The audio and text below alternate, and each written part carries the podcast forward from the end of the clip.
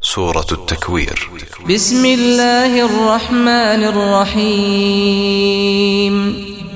dengan menyebut nama Allah yang Maha Pemurah lagi Maha Penyayang. إذا الشمس كورت وإذا النجوم انكدرت وإذا الجبال سيرت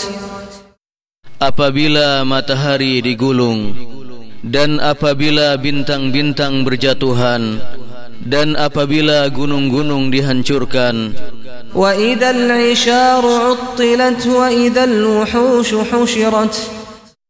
dan apabila unta-unta yang bunting ditinggalkan yakni tidak diperdulikan. Dan apabila binatang-binatang liar dikumpulkan وَإِذَا الْبِحَارُ سُجِّرَتْ وَإِذَا النُّفُوسُ زُوِّجَتْ dan apabila lautan dipanaskan dan apabila ruh-ruh dipertemukan dengan tubuh وإذا الموءودة سئلت بأي ذنب قتلت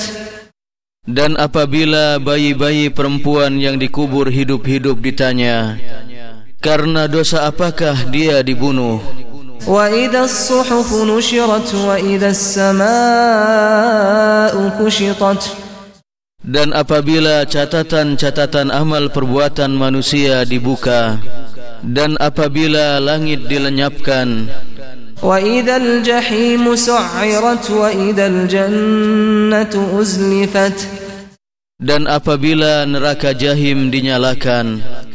dan apabila surga didekatkan علمت نفس ما أحضرت Maka tiap-tiap jiwa akan mengetahui apa yang telah dikerjakannya. Fala uqsimu bil khunnasil jawaril kunnas. Sungguh aku bersumpah dengan bintang-bintang yang beredar dan terbenam. Wallayli idza as'asa was-subhi idza tanaffas. Demi malam apabila telah hampir meninggalkan gelapnya dan demi subuh apabila fajarnya mulai menyingsing إنه لقول رسول كريم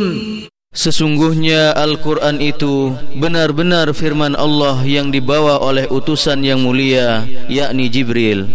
ذي قوة عند ذي العرش مكين مطاع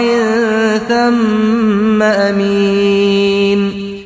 Yang mempunyai kekuatan, yang mempunyai kedudukan tinggi di sisi Allah yang mempunyai arash, yang ditaati di alam malaikat lagi dipercaya. وما صاحبكم بمجنون ولقد رآه بالأفق المبين وما هو على الغيب بضنين Dan temanmu Muhammad itu bukanlah sekali-kali orang yang gila dan sesungguhnya Muhammad itu melihat Jibril di ufuk yang terang dan dia Muhammad bukanlah seorang yang bakhil untuk menerangkan yang gaib وما هو بقول شيطان رجيم فأين تذهبون dan Al-Quran itu bukanlah perkataan syaitan yang terkutuk maka kemanakah kamu akan pergi إن هو إلا ذكر للعالمين لمن شاء منكم أن يستقيم Al-Quran itu tidak lain hanyalah peringatan bagi semesta alam yaitu bagi siapa di antara kamu yang mau menempuh jalan yang lurus وما تشاءون إلا أن يشاء الله رب العالمين